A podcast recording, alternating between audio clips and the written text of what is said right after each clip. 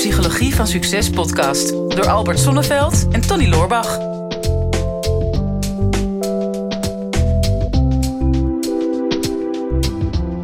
Tony, inmiddels weet iedereen, denk ik wel, iedere luisteraar en kijker van eh, dat je een bedrijf hebt. En eh, bedrijven zelfs. En eh, dat die ook succesvol zijn. Mhm. En hoe lang heb jij nou je bedrijven inmiddels? Ehm, bijna 13 jaar. 13 jaar. 14 september 2010 ben ik begonnen. Jij bent ook echt, ook dat weet weet je allemaal weer precies, beste luisteraars. En kijk, niet te geloven, die man is gewoon een wandelende encyclopedie. Mhm. En heb je nou gemerkt, wat zei je nou, 13 jaar? Ja. Heb je nou gemerkt in die 13 jaar dat de bedrijfscultuur van je bedrijf eh, veranderd is? Ja. Oké. Kort antwoord. dit, dit wordt een korte podcast. hoor. ja, nou ja, weet je, Ja. toen ik begon was ik alleen. Ja. Dan heb je ook wel een bedrijfscultuur. Ja, en je je ben hebt, er niet eh, zo bewust van. Nee, maar je hebt heel veel persoonlijkheden voor. Eh, ja, klopt. ik denk dat je ja. het ontzettend druk hebt met Ja, jezelf ik had echt een hele verrotte cultuur toen ik eentje was. Niemand kon met elkaar door één deur. Nee, nee, echt niet hè. Dus je Ja. dacht maar snel mensen aannemen. Misschien dat je het een beetje kunt delegeren. Maar even. Ja. Maar goed, ja, daar gaan we het dus vandaag over hebben. Over bedrijfscultuur. En de mensen die geen bedrijf hebben en luisteren denken. Ja, Mhm. is dit dan wel een interessante podcast voor mij?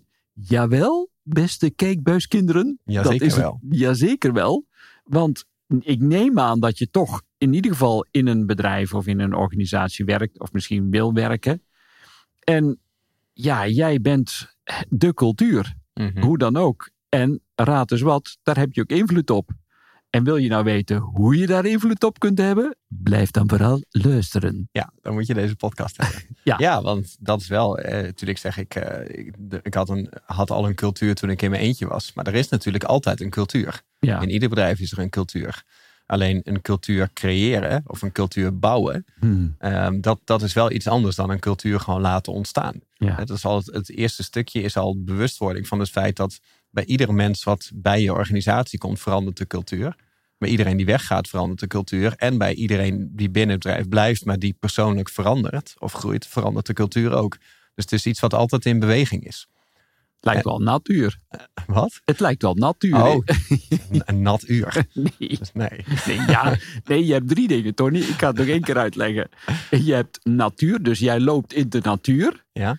De trein loopt na het uur. Ja, En met een beetje geluk bezorg je iemand de natuur. Maar Ja, dat is ja. weer iets anders. als je, als je iemand onder de douche zet. Ja, bijvoorbeeld. Ja.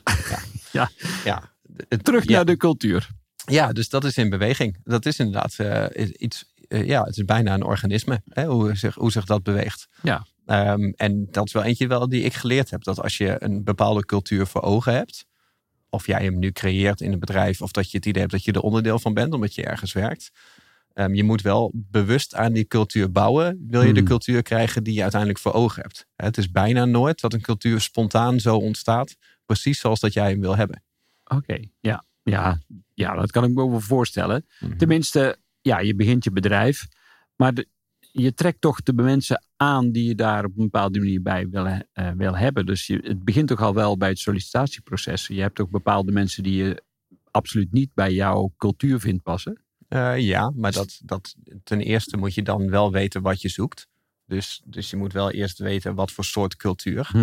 Eh, dus bijvoorbeeld de cultuur die wij bij IMU hebben is, is best wel een unieke, maar die is heel erg gestaafd op eh, vriendschap. Ja. Dus, dus de verbinding onderling. Ik wil dat het voelt als een vriendengroep of eigenlijk als een familie.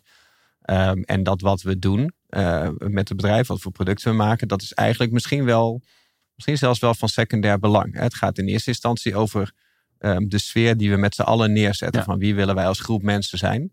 Eh, ook al komen daar soms mensen bij en gaan er ook weer mensen vanaf. Het, het hoeft niet altijd hetzelfde te zijn. Het kan ook een doorstroomproces voor de maatschappij zijn om doorheen te lopen. Maar Ja. het gaat over van wat, wat, wat gebeurt er bij ons als groep? Wie willen wij zijn?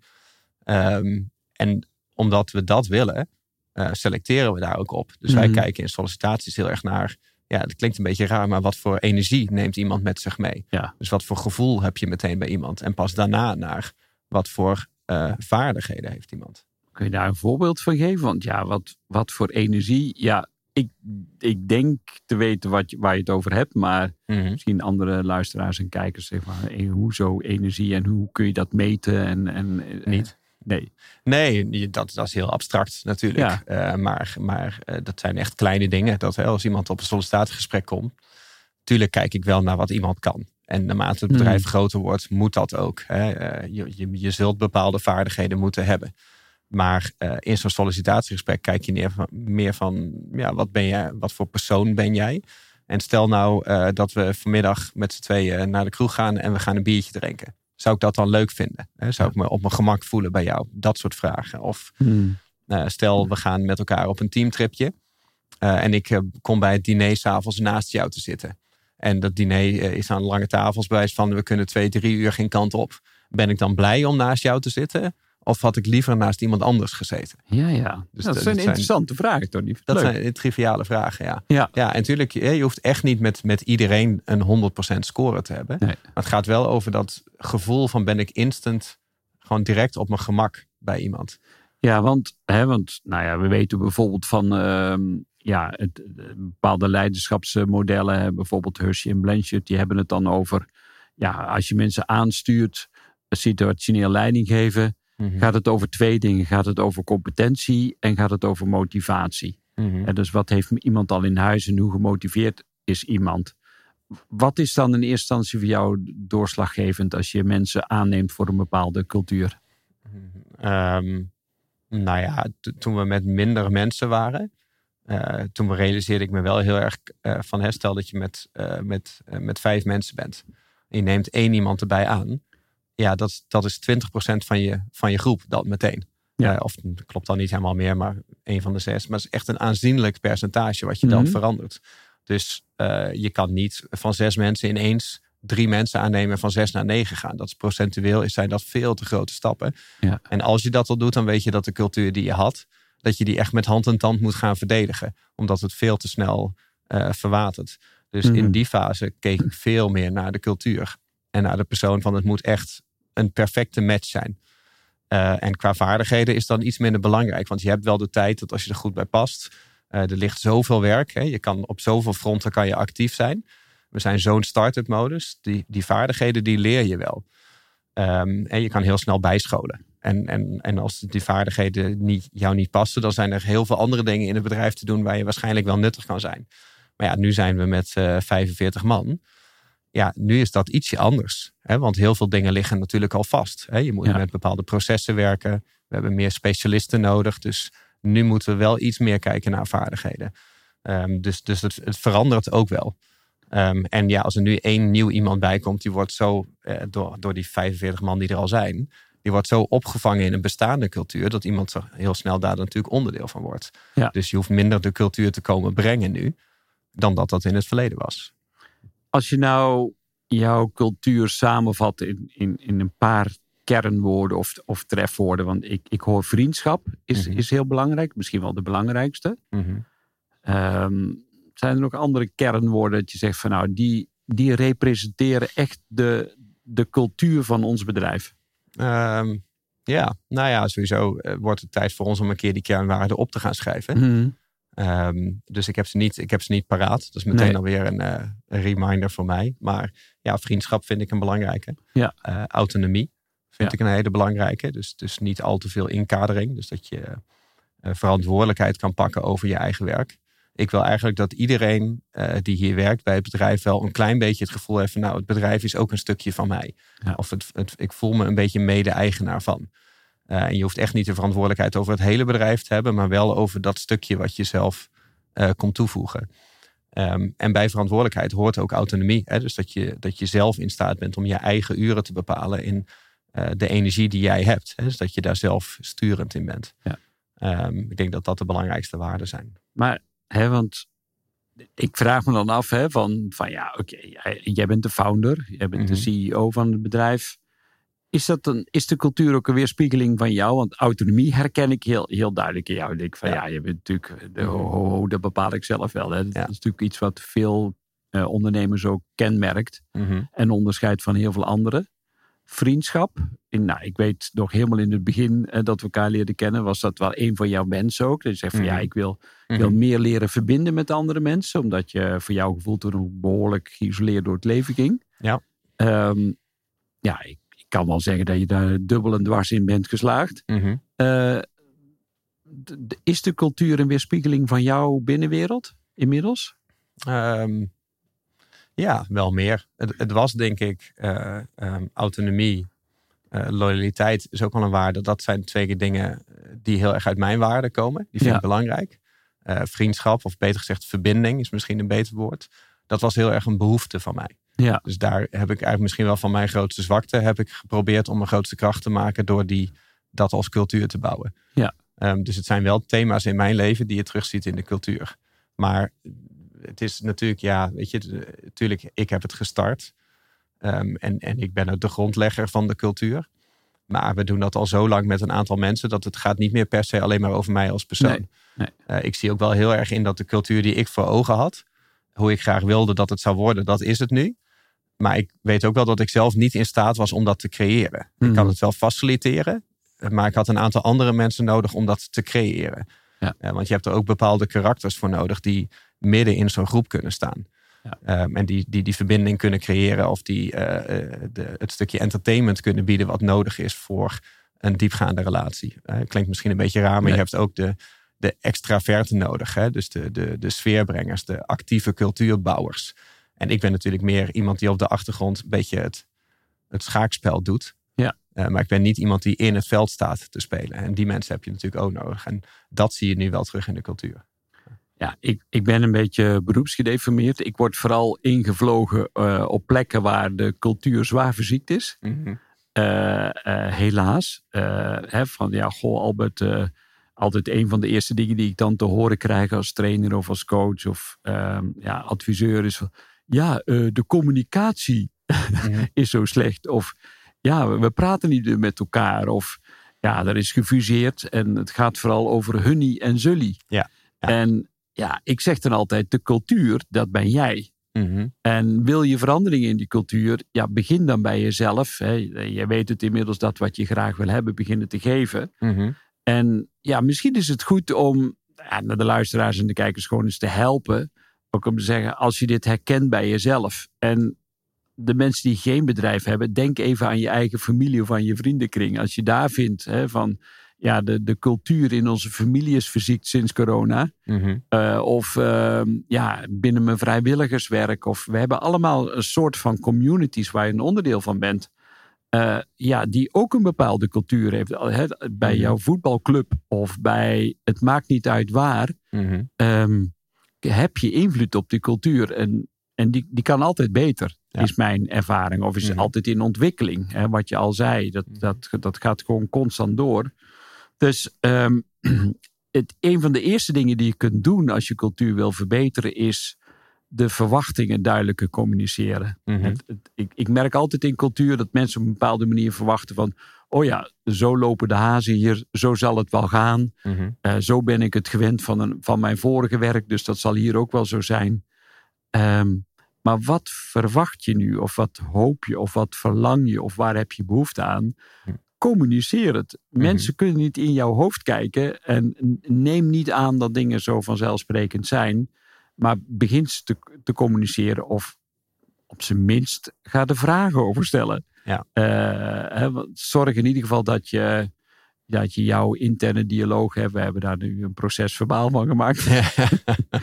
Maak jouw proces verbaal Ja. binnen. Ja, En- maar je bedoelt ook, zeg maar, als je dus eh, niet de manager bent, niet de eigenaar, maar Ja. je bent onderdeel van. Ja. Ja, hè, dus dat, dat even los van alle rollen, of je nou wel manager bent, eigenaar bent of je bent medewerker. In alle gevallen eh, draag je bij aan de cultuur. Mhm. Eh, Je bent een levend organisme, je bent een cel of je bent een orgaan in een levend organisme. Mhm. En iedere cel draagt bij aan dat organisme. Hm. Ehm, ja, en, je- en je zei het al, het gaat ook heel erg, en dat is een beetje een jeukwoord geworden, maar goed, ik ga het toch nog maar een keer noemen. Authentiek. Wanneer ben je nou authentiek? Wanneer, ben, wanneer ben je nou jezelf? Heel veel mensen hebben trouwens helemaal geen idee. Nee. Wie ben ik? Mhm. Maar begin dan met te dromen wie je wil zijn en ga dat alvast leven. En Mhm. ook al voel je dat niet altijd zo, maar als je wat blijer, spontaner, nieuwsgieriger mens zou willen zijn, of, of het nou een manager is of medewerker, ga dat meer leven al. Mhm. Eh, ga daarmee oefenen, want een bedrijf of een cultuur is ook één grote speeltuin waar je gewoon Mhm. ja, jezelf mag uitleven en Mhm. je grenzen mag opzoeken. Het, het is ook, als je het anders wil zien, ook een gezin waar je uitkomt. Mhm. Met een papa en een mama die dan toevallig manager of leidinggevende heeft. En je hebt broertjes en je hebt zusjes. Mhm. En in ieder gezin, ga maar eens een keer met de bussen op vakantie. Zou ik trouwens niet aanbevelen. Nee. Maar goed, dan zul je zien dat in die bus, in die, in die kleine micro-community waar je dan instapt, zul je altijd weer dezelfde figuren zien die je ook in een gezin ziet. Je hebt altijd een figuur die loopt te zorgen. Mhm. Dus die, komt dan, die loopt dan met dropjes en die heeft dan al een taart gebakken voor de halve bus.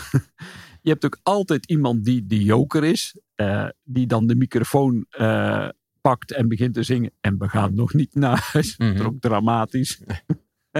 En je ook wel een ideaal beeld nu. Ja, je hebt ook de Ja. notoire zeikneus, die altijd overal loopt te, te, te klagen en te miepen en te zeuren. Ehm, ja, en waarschijnlijk herken je dat dan in je gezin van oorsprong ook wel. En die hoop je dan te ontvluchten door naar een, een baas te gaan of naar een werk te gaan of wat dan ook. En Mhm. grote verrassing, dat tref je ze ook weer aan. Mhm. En dat zijn een beetje van die archetypische figuren. Dus hoe dan ook, je kunt mensen niet ontlopen. Mhm. En, en, en culturen daardoor ook niet. Maar je kunt ze wel veranderen door zelf te veranderen. Oké, nou ja, ga er maar aan staan. Ja, Want, want wa- eh, wat is een beetje een makkelijke manier zeg maar, om daarmee te beginnen? Hè? Want jij zegt nu van oké, eh, je, moet, je moet zelf gaan veranderen. Ja. Eh, Soms, zeker in een wat groter bedrijf, is een cultuur natuurlijk al wel echt wel ingebakken. Je hebt het ook niet altijd voor het zeggen. Ik, ik denk dat wij, de situatie die ik net schetste, onze cultuur is, is redelijk uniek. Ja. Ehm, en wij proberen zoveel mogelijk bedrijfjes spelen eruit te laten, zeg maar. Of Ja. zoveel mogelijk ja, bullshit eruit te laten.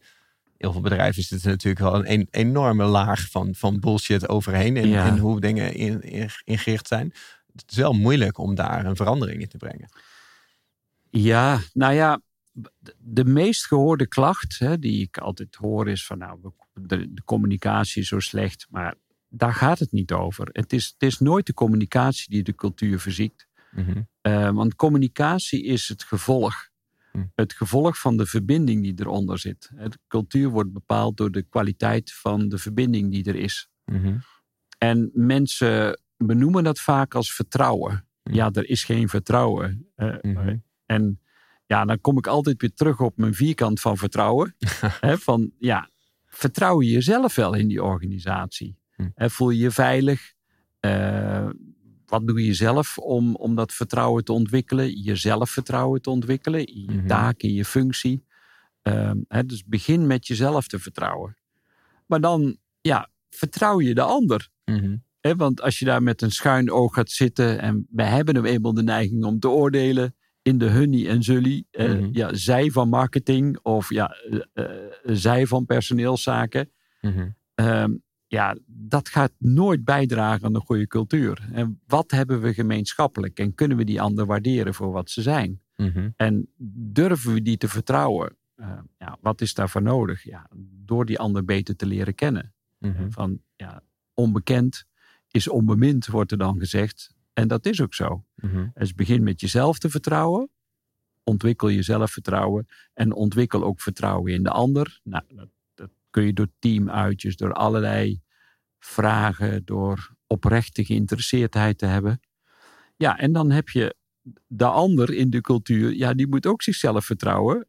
Eh, want ja, die zit met hetzelfde probleem. Mhm. Eh, en je zult ook merken dat als die zich meer vertrouwd voelt in de cultuur, dan kan die ook ontspannen. Mhm. Ja, en die ander moet jou ook vertrouwen. Mhm. En dat wordt ook vaak vergeten. Van, jij denkt, ja, ik ben wel oké, maar dat weet die ander vaak nog niet. Dus Ja, maar hoe, want hoe zou je dat eh, praktisch aanvliegen? Want, want ik snap helemaal wat je bedoelt, denk ik. Ik hang aan je lippen. Ja. Ik zit dan even te denken van, oké, stel nou dat je hier helemaal geen ervaring mee hebt. Ja.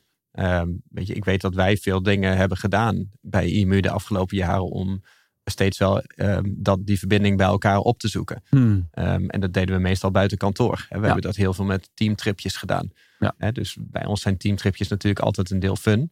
Eh, maar ook wel een deel persoonlijke groei. En Jij bent ook een paar keer ingevlogen of meegeweest. Ja.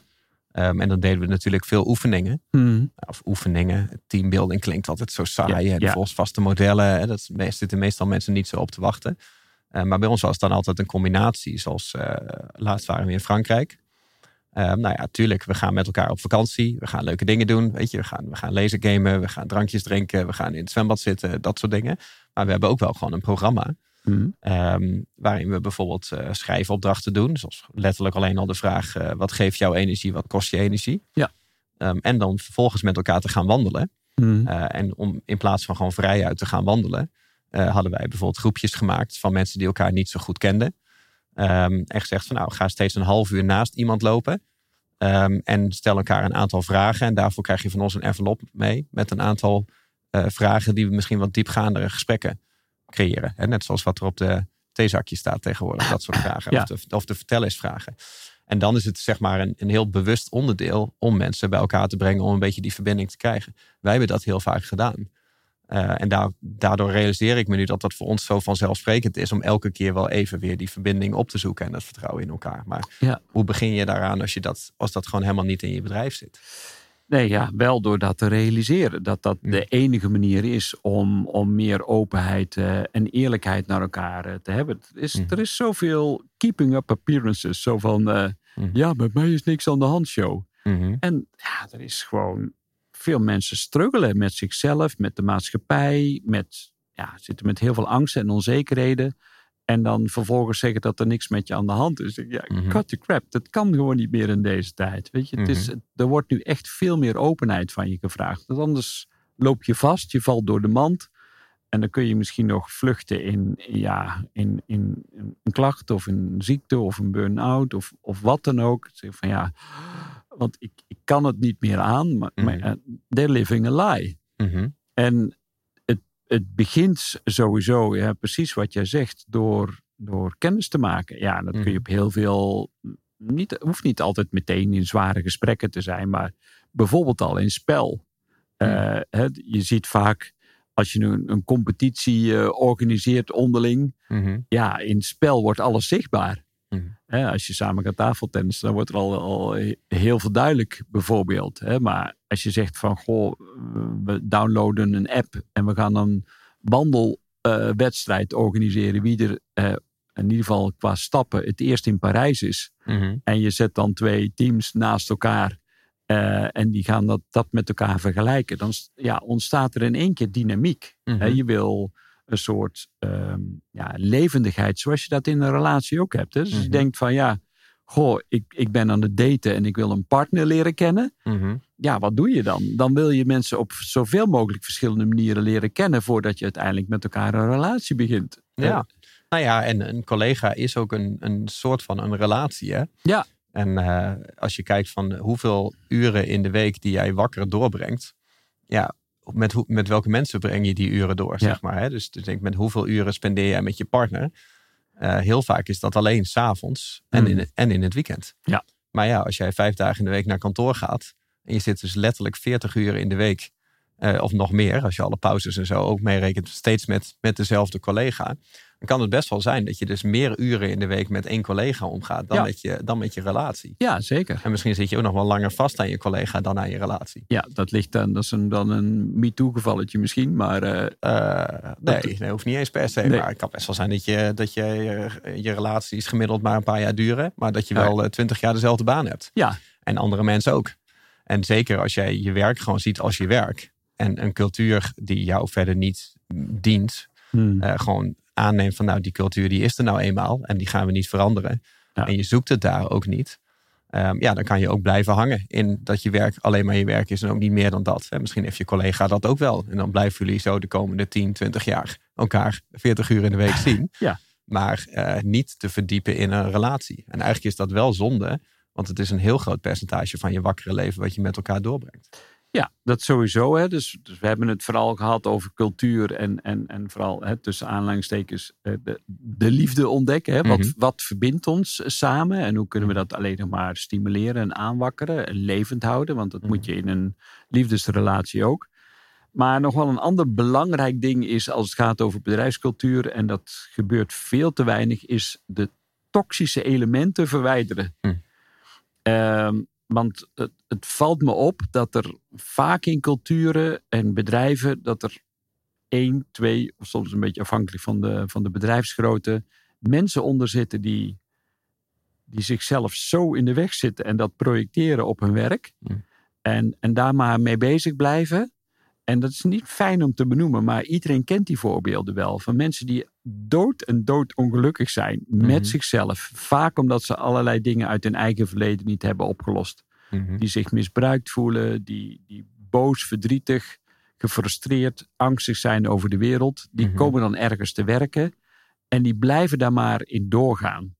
En in plaats van in therapie te gaan, in coaching te gaan, hè, die, die pijn, en die neem ik heel serieus, hè, dus die wil ik zeker niet bagatelliseren, Mhm. maar die pijn echt aan te kijken en daarmee te werken, wordt dat maar iedere keer in de werkrelatie gebracht. Tot grote frustratie van heel veel andere mensen. Denk, ja, poeh, eh, ik, we worden kotsbeu van dat mens, maar we komen er maar niet van af. Mhm. Ehm, en dan het lef hebben om dat toxisch element uit, uit je organisatie te verwijderen. Mhm. En dan kost het maar wat.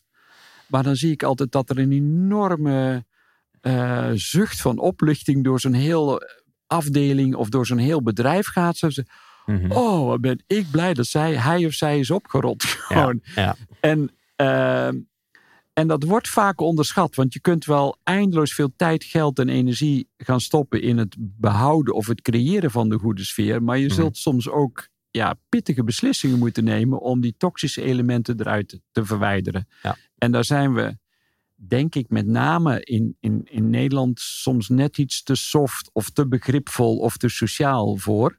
Terwijl ze in Amerika zeggen hire slow and fire quick. Ja. En Ja. dat, daar zijn wij soms een beetje te voorzichtig in. Ja, is ook wel, eh, merk ik ook wel, in Nederland is het ook moeilijker.